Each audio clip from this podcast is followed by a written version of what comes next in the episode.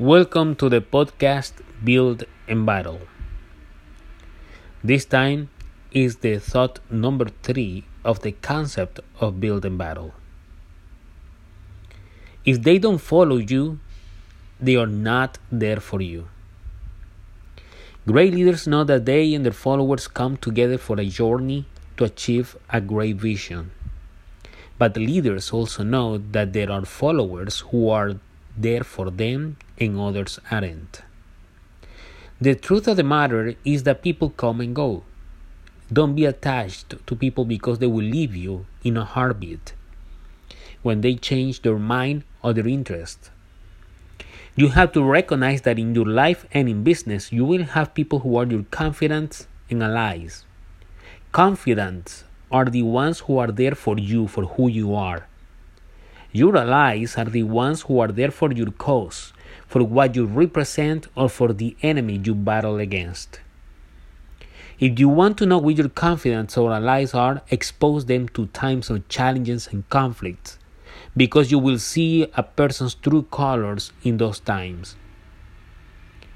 Start looking at people's hearts and shadows to know who is who clearly and who are the ones you really need to build and battle. This thought ends with a quote that says, Leaders must be aware of their team members' shadows to build a great team. To be successful as leader, you have to recognize that the people around you not necessarily are there for you, for who you are. That's why we need to identify who our confidence are in who our allies are. Because in that way, you cannot detach yourself to other people. You need to recognize who is who so you can lead them, you can treat them accordingly.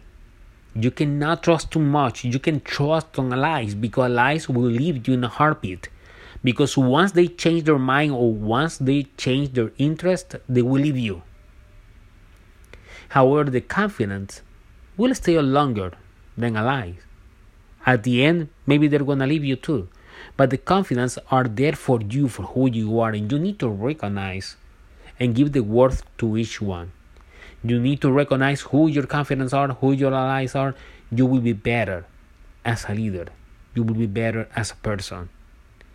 And keep in mind this people go, people come and go. So don't be attached to anybody. Be a good leader. Recognize your confidence, recognize your allies, know the shadows of your team members so you can lead them better. I hope you enjoy this episode. See you next time.